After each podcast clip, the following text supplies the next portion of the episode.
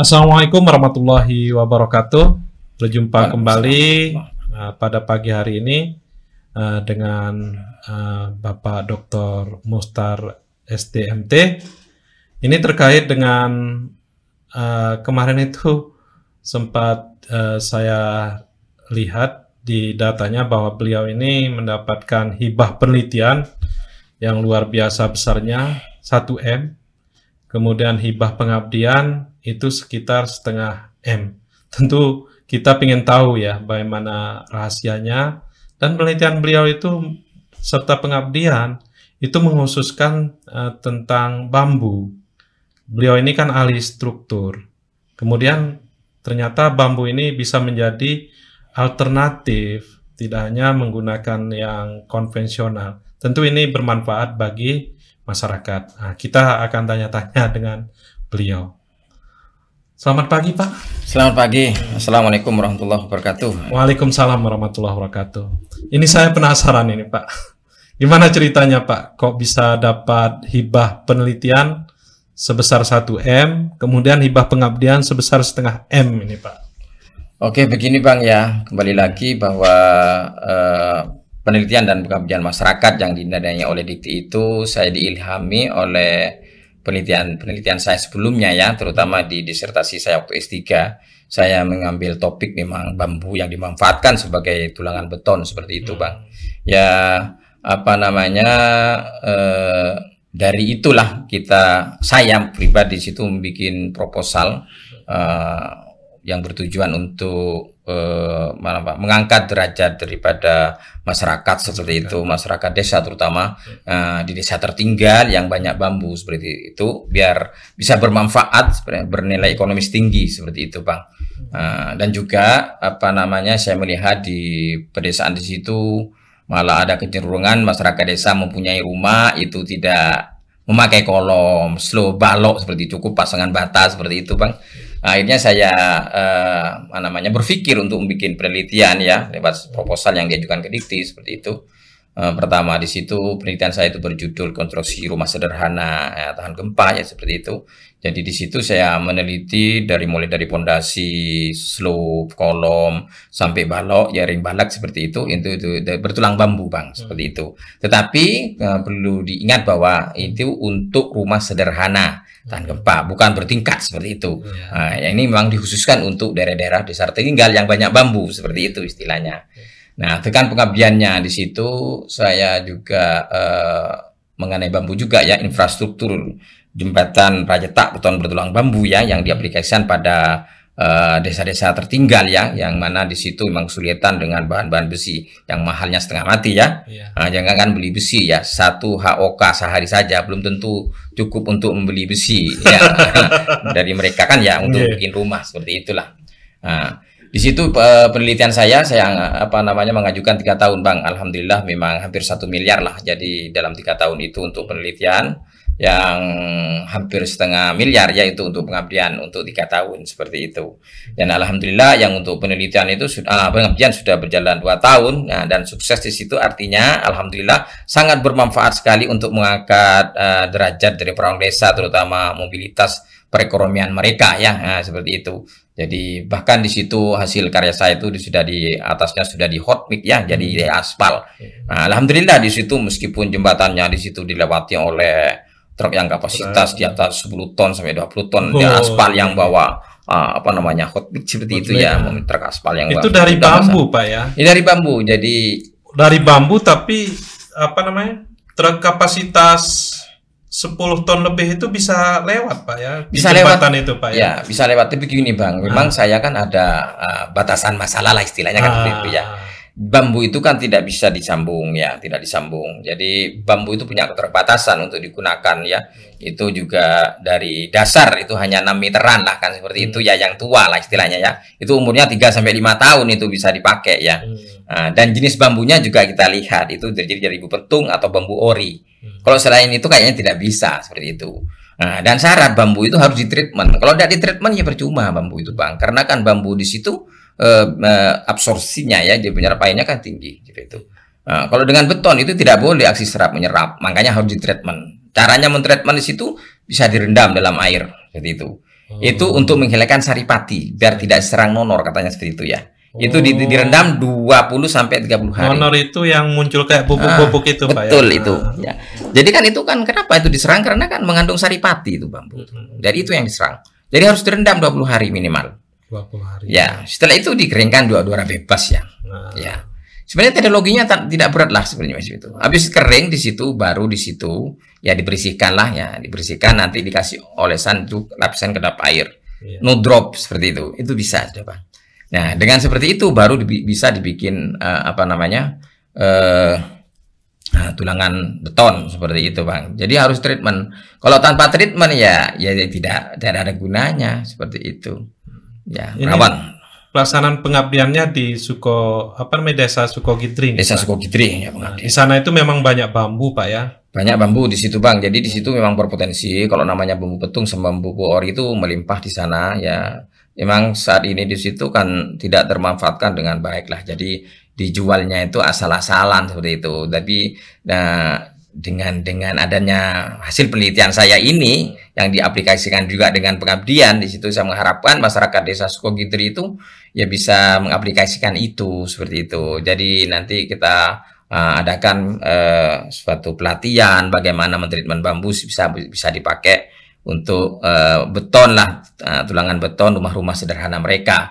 Uh, ya seperti itu. Dan sudah diuji itu sudah sudah oke okay sebenarnya satu satu kolom maksudnya kolom ah. untuk kita usia uji sudah dengan beban siklik di situ jadi driftnya itu hanya satu hmm. sudah 1,5 di atas 1,5 berarti kan cocok ya bisa digunakan sudah bisa digunakan ya Pak, bisa ya. digunakan ya, untuk pondasi Pak Nah, kalau pondasi di situ itu ukuran 60 60 itu sudah punya kapasitas 7 ton kemarin itu saya itu pondasi ya. sudah sudah oke. Okay. Sebenarnya Terus, untuk pondasi rumah, rumah sederhana, sederhana ya. itu itu sudah oke okay sebenarnya hmm. sudah oke. Okay. Terus saya juga menguji balok beton betulang bambu itu tulangannya hanya dua, itu tulangan tunggal di bawah di situ dengan ukuran satu setengah dua biji hmm. dengan baloknya itu satu meter sepuluh ya, hmm. itu kapasitas 3,3 ton itu mampu sebenarnya sampai rutuh. Jadi itu dua tulangan ya? Dua tulangan, tulangan tunggal jadi baloknya di situ itu sudah 3,3 ton ya beban runtuhnya. Kalau misalnya ditambahi tulangan itu kira-kira ya, ya. tambah bagus atau malah ini Pak?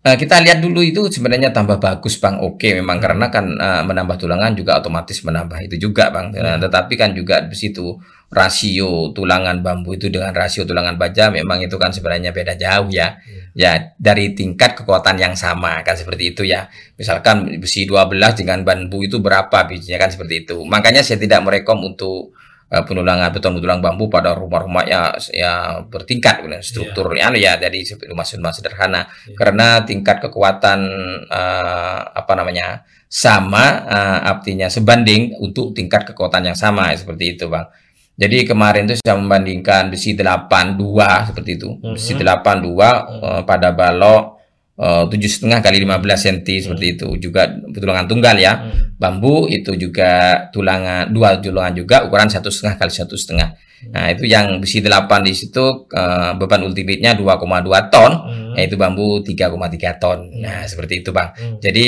uh, cukup selevel lah jadi untuk menggantikan besi 8 besi untuk rumah-rumah sederhana seperti ya. itu daripada tidak ditulangi eh, betul, betul apa namanya tidak masang kolom Jauh lebih berisiko pak berisiko jadi kalau ada geban gempa jadi pasti retak-retak terutama oh, di iya. situ dinding-dinding itu sudah meretak uh, horizontal seperti itu ah retak-retak ya. diagonal, diagonal kena geser gempa ya kena ya. geser gempa itu itu karena tidak ada kolomnya itu sebenarnya Kolom. daripada itu ini menarik pak karena uh, Bapak tadi kan menyampaikan bahwa ternyata banyak apa namanya rumah-rumah yang uh, tanpa apa namanya tulangan gitu Pak, tanpa kolom gitu, tanpa beton gitu.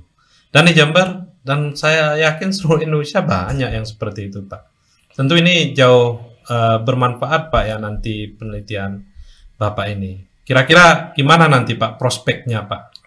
Uh, saya kira begini. Uh, memang penelitian saya ini kenapa diterima tentunya kan parameter-parameter untuk bisa meloloskan penelitian dan pemberian saya oleh DITI itu kan sudah ada mestinya bang hmm. pertama itu mendukung program pemerintah kan ya hmm. jadi jangan apa namanya uh, apa namanya uh, green construction ya. Uh, green energy ya ya, ya, ya. jadi situ. Jadi berbasis bahan terbarukan seperti itu. Itu jelas sudah sudah kena seperti itu. Dan juga kita melihat keterbatasan daripada masyarakat kita terutama pedesaan. Di situ kan banyak masyarakat di bawah garis kemiskinan Kemiskinan, seperti itu. Iya. Uh, sehingga dia membuat rumah jadi uh, apa namanya ya asal-asalan tanpa Asal-asalan. beton bertulang tanpa kolom tanpa balok seperti itu makanya kalau gempa di situ banyaklah menimpa menimpa mereka ya, ya yang lebih miris lagi itu kena te- kerubuhan temboknya sendiri seperti itu, itu korban-korban Padahal harusnya itu untuk melindungi dirinya, Pak. Ya, untuk melindungi dirinya. Tetapi kalau di situ pakai beton lah bang, ya itu ya pakai bertulang bambu, insya Allah lah lumayan. Paling tidak dia uh, bisa berperilaku uh, daktel lah uh, rumah mereka seperti itu. Tidak terlalu getas kayak ini lah tembok langsung bluk seperti itu. Iya. Karena ada penyalur gesernya kan seperti itulah. Ha.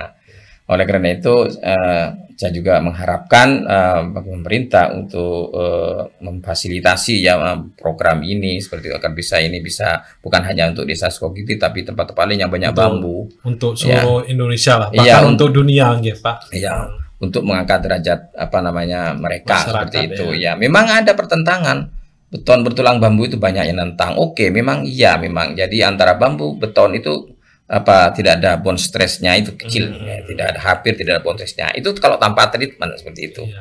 tapi tingkat kemanfaatannya itu kan jauh lebih besar terutama di masyarakat desa seperti itu Treatment yang dimaksud yang tadi itu, Pak. ya? tadi itu bang. Jadi Di- direndam dulu Rendam terus dulu. dikasih eh, eh, nanti dikasih pelek- apa namanya eh, lapis kedap air itu seperti itu. Itu macam-macam kok bisa dari no drop itu.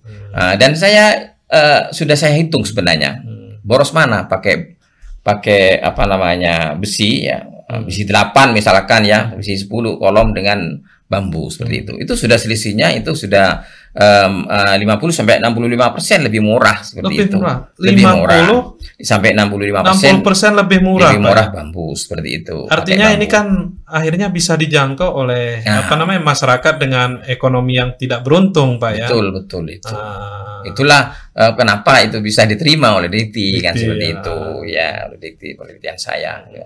Sebenarnya kita itu meneliti itu kan tidak harus wah wah wah gitu bang. Iya. Wah song ini song ini yang seperti itu. Tetapi kita lihat di situ ketermanfaatannya. Iya. Bagaimana penelitian kita bermanfaat bagi masyarakat, bagaimana kita juga bisa berma- bermanfaat bagi masyarakat dan lingkungan. Sebenarnya itu aja yang kita pegang seperti itu. Gak usah muluk-muluk, yang penting di situ ide. Nah, ide kita itu kita terjemahkan tapi berbau ilmiah seperti itu. Iya. Nah, kalau tidak berbau ilmiah ya jangan dikirim ke untuk penelitian, tidak mungkin diterima kan seperti Karena itu itu. nggak usah peneliti, Pak ya. Iya. Orang umum juga bisa ya. Betul Nah, seperti itu. oke. Ini Pak, apa namanya? Eh, terkait dengan eh, bambu, Pak ya. Itu apakah semua bambu bisa digunakan, Pak, atau bambu tertentu saja, Pak?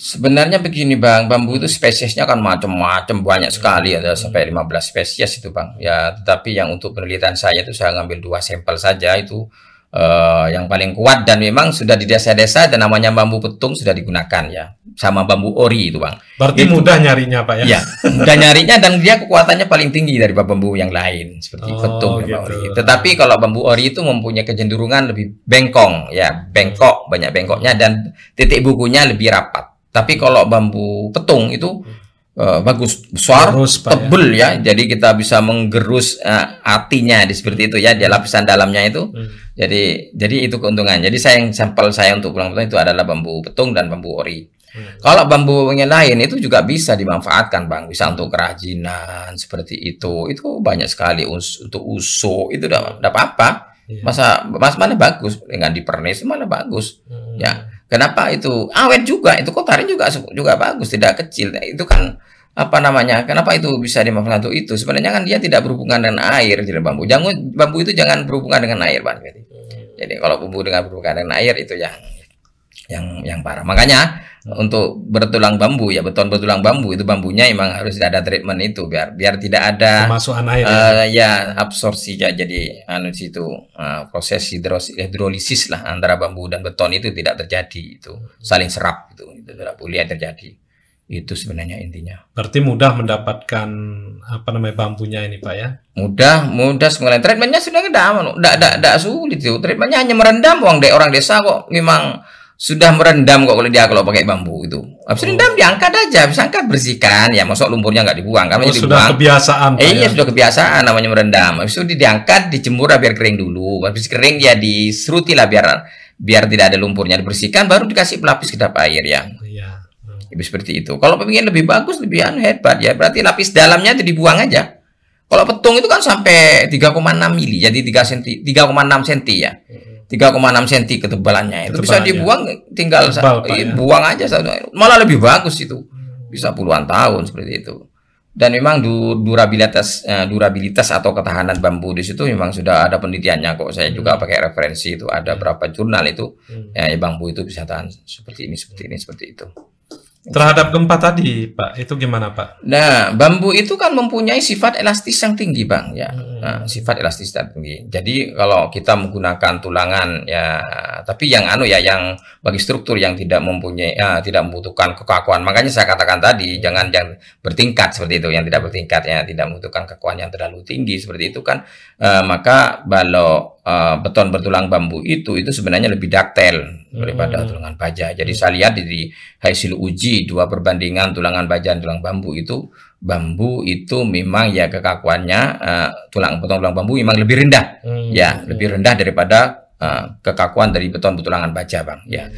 Tetapi uh, daktilitasnya itu lebih tinggi seperti itu, daktilitasnya lebih tinggi. Jadi kalau dalam menyerap, menyerap energi gempa itu kan lebih bagus berarti kan seperti hmm. itu. Maka beton-beton bambu itu cocok sebenarnya ya. Yeah. Nah, tetapi tidak cocoknya itu uh, pada struktur-struktur misalkan lantai dua karena faktornya bambu itu kan punya keterbatasan panjang yeah. yang tua yang keras kan seperti itu. Yeah.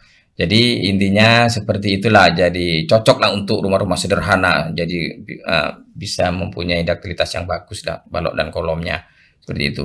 Berarti nanti bisa dibawa juga ke kota itu Pak ya. Artinya untuk perumahan-perumahan itu ya. Iya. Meromotor saya itu sudah bikin rumah itu dari bambu itu Bang. Kebetulan di promotor saya waktu S3 itu hmm. juga bikin rumah jadi beton-beton bambu menjadi sebagai percontohannya. Oh, begitu Seperti ya. itu ya. Makanya saya mengharapkan juga di desa ini saya juga bisa uh, mengajukan proposal ya. Jadi hmm. untuk itulah aplikasi beton-beton bambu pada rumah sederhana di pedesaan. Insya Allah saya mengajukan lagi nanti pengabdian masyarakat itu bang setelah uh, jembatan ini sudah habis tengah tahun kontrak saya akan ngajukan lagi tahun ini insya Allah seperti itu berarti bambu ini akan naik daun ini pak ya ya insya Allah lah dengan meningkatnya pengetahuan masyarakat tentang kegunaan bambu dan hmm. fungsi ya, daripada bambu uh, bahwa secara tidak langsung kan mengangkat derajat dia kan secara ya, ekonomi betul. seperti itu Uh, makanya bambu punya prospek lah di desa-desa ya. dan bisa mengangkat derajat orang-orang ya. desa yang kurang mampu seperti betul, itu. Betul. Karena walau bagaimanapun juga dia untuk membeli besi satu lonjor saja uh, itu mahal. HOK ya. sehari belum tentu cukup sekarang. Karena karena besi harga besi sudah semakin melambung tinggi kan seperti ya, itu. Gitu. Ini sisi manfaat Pak. Tentu juga ini berbanding lurus dengan apa namanya keberadaan bambu Pak. Ini kira-kira bambu ini keberadaannya di Indonesia atau di dunia ini masih cukup Pak ya kalau misalnya nanti itu betul-betul diterapkan dan masyarakat sudah mengenal Pak. Kalau dari penelitian dosen UGM saya membacanya di situ memang di Indonesia khususnya hmm. yaitu terjadi penurunan bahan hutan bambu, pengurangan penurunan dari hutan bambu di situ. Uh, itu memang efeknya bukan Kenapa-kenapa? Tapi itu dari efek perumahan, Bang. Jadi hutan bambu banyak tergerus seperti itu. Iya, iya, iya. Ya, jadi oleh karena itu memang butuhlah sebenarnya penelitian-penelitian bagaimana mengembangkan bambu seperti ya. itu. Misalkan saya dari teknik bisa berkolaborasi dengan orang-orang pertanian, pertanian ya. yang mengerti bagaimana cara apa namanya ya mengembangkan bambu tanaman bambu ya, ya merekayasa itu seperti ya.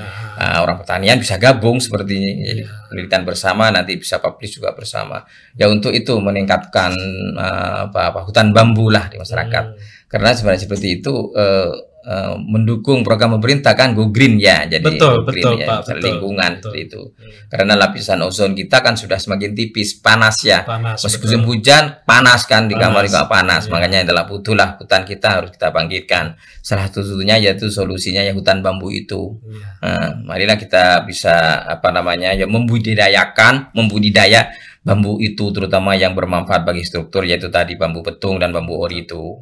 Ya. Perlu kerjasama penelitian mungkin bisa uh, sharing dengan fakultas pertanian, Pertanian. seperti itu. Iya. Dengan biologi mungkin ya juga Biologi. bisa jadi kayak gitu. Ini Pak, eh, ini penelitian eh, pengabdiannya sudah berjalan ini Pak ya. Sudah berjalan. Ini gimana Pak persepsi masyarakat sekarang ini eh, terhadap tumbuhan bambu ini Pak? Ketika mereka tahu bahwa bambu ini ternyata manfaatnya luar biasa Pak. Ini barang bagus gitu loh Pak. Emas ini Pak.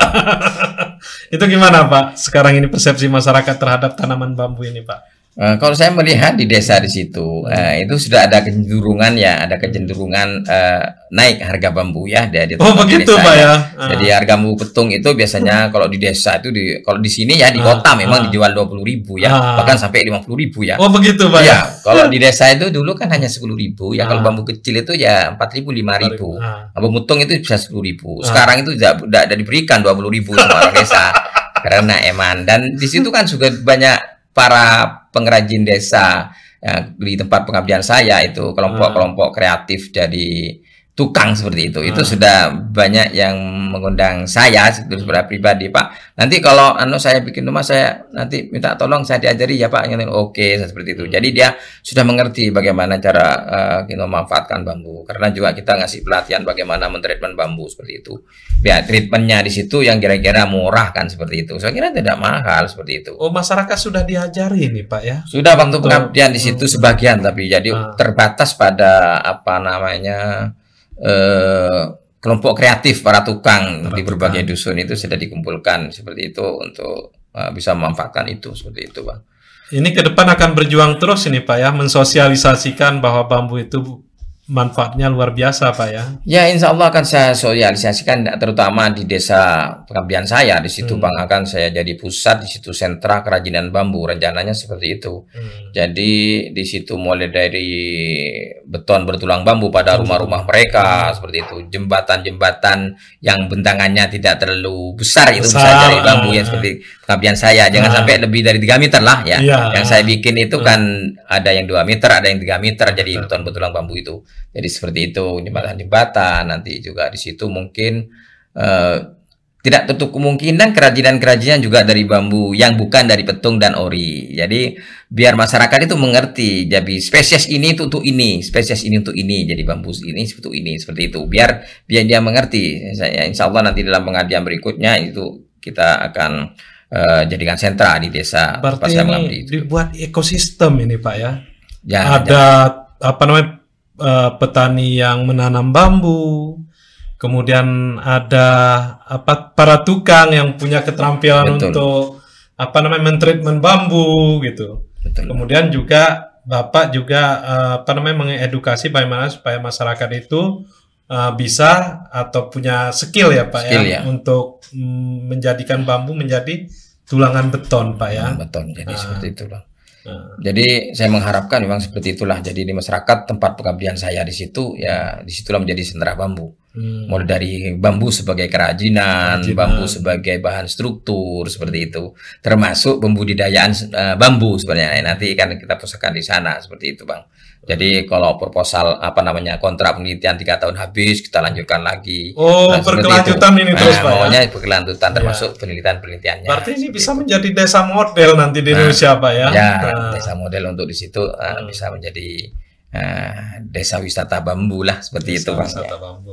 Ya. Oke, Pak Muhtar, terima kasih banyak Ya, atas eh, segala yang diberikan ini Pak. Karena bambu itu selama ini kan dianggap sebelah mata Pak ya. Ya, betul betul. oleh masyarakat. Tentunya dengan adanya manfaat lebih tadi itu dan ternyata manfaatnya itu luar biasa, Pak. Bisa menggantikan apa namanya besi atau baja, Pak ya, Ya, se- baja. eh, sebagai pengganti tulangan. Tulangan. Nah, ini kan luar biasa. Tentu bambu ini akan menjadi naik daun. Salah satu contohnya tadi bahwa di desa Bapak bambu itu sudah mahal, Pak ya. Dari 4.500 sekarang 20.000 tidak dilepas lagi Lepas lagi. oleh ya. masyarakat. Lebih baik dia manfaatkan sendiri, Pak ya. Betul betul. Semoga ini juga menginspirasi masyarakat-masyarakat lain di luar Amin. eh, desa Bapak, Amin, di luar amin. desa Sukokitri, khususnya bagi masyarakat-masyarakat yang secara ekonomi kurang beruntung. Sehingga Ya. nanti kalau misalnya ada gempa ini kan rumahnya bisa jauh lebih tahan, Pak ya. Ya. Oke, terima kasih banyak Pak Oke, terima kasih banyak, Bang. nah, atas waktunya. Wassalamualaikum warahmatullahi wabarakatuh. Waalaikumsalam warahmatullahi taala wabarakatuh.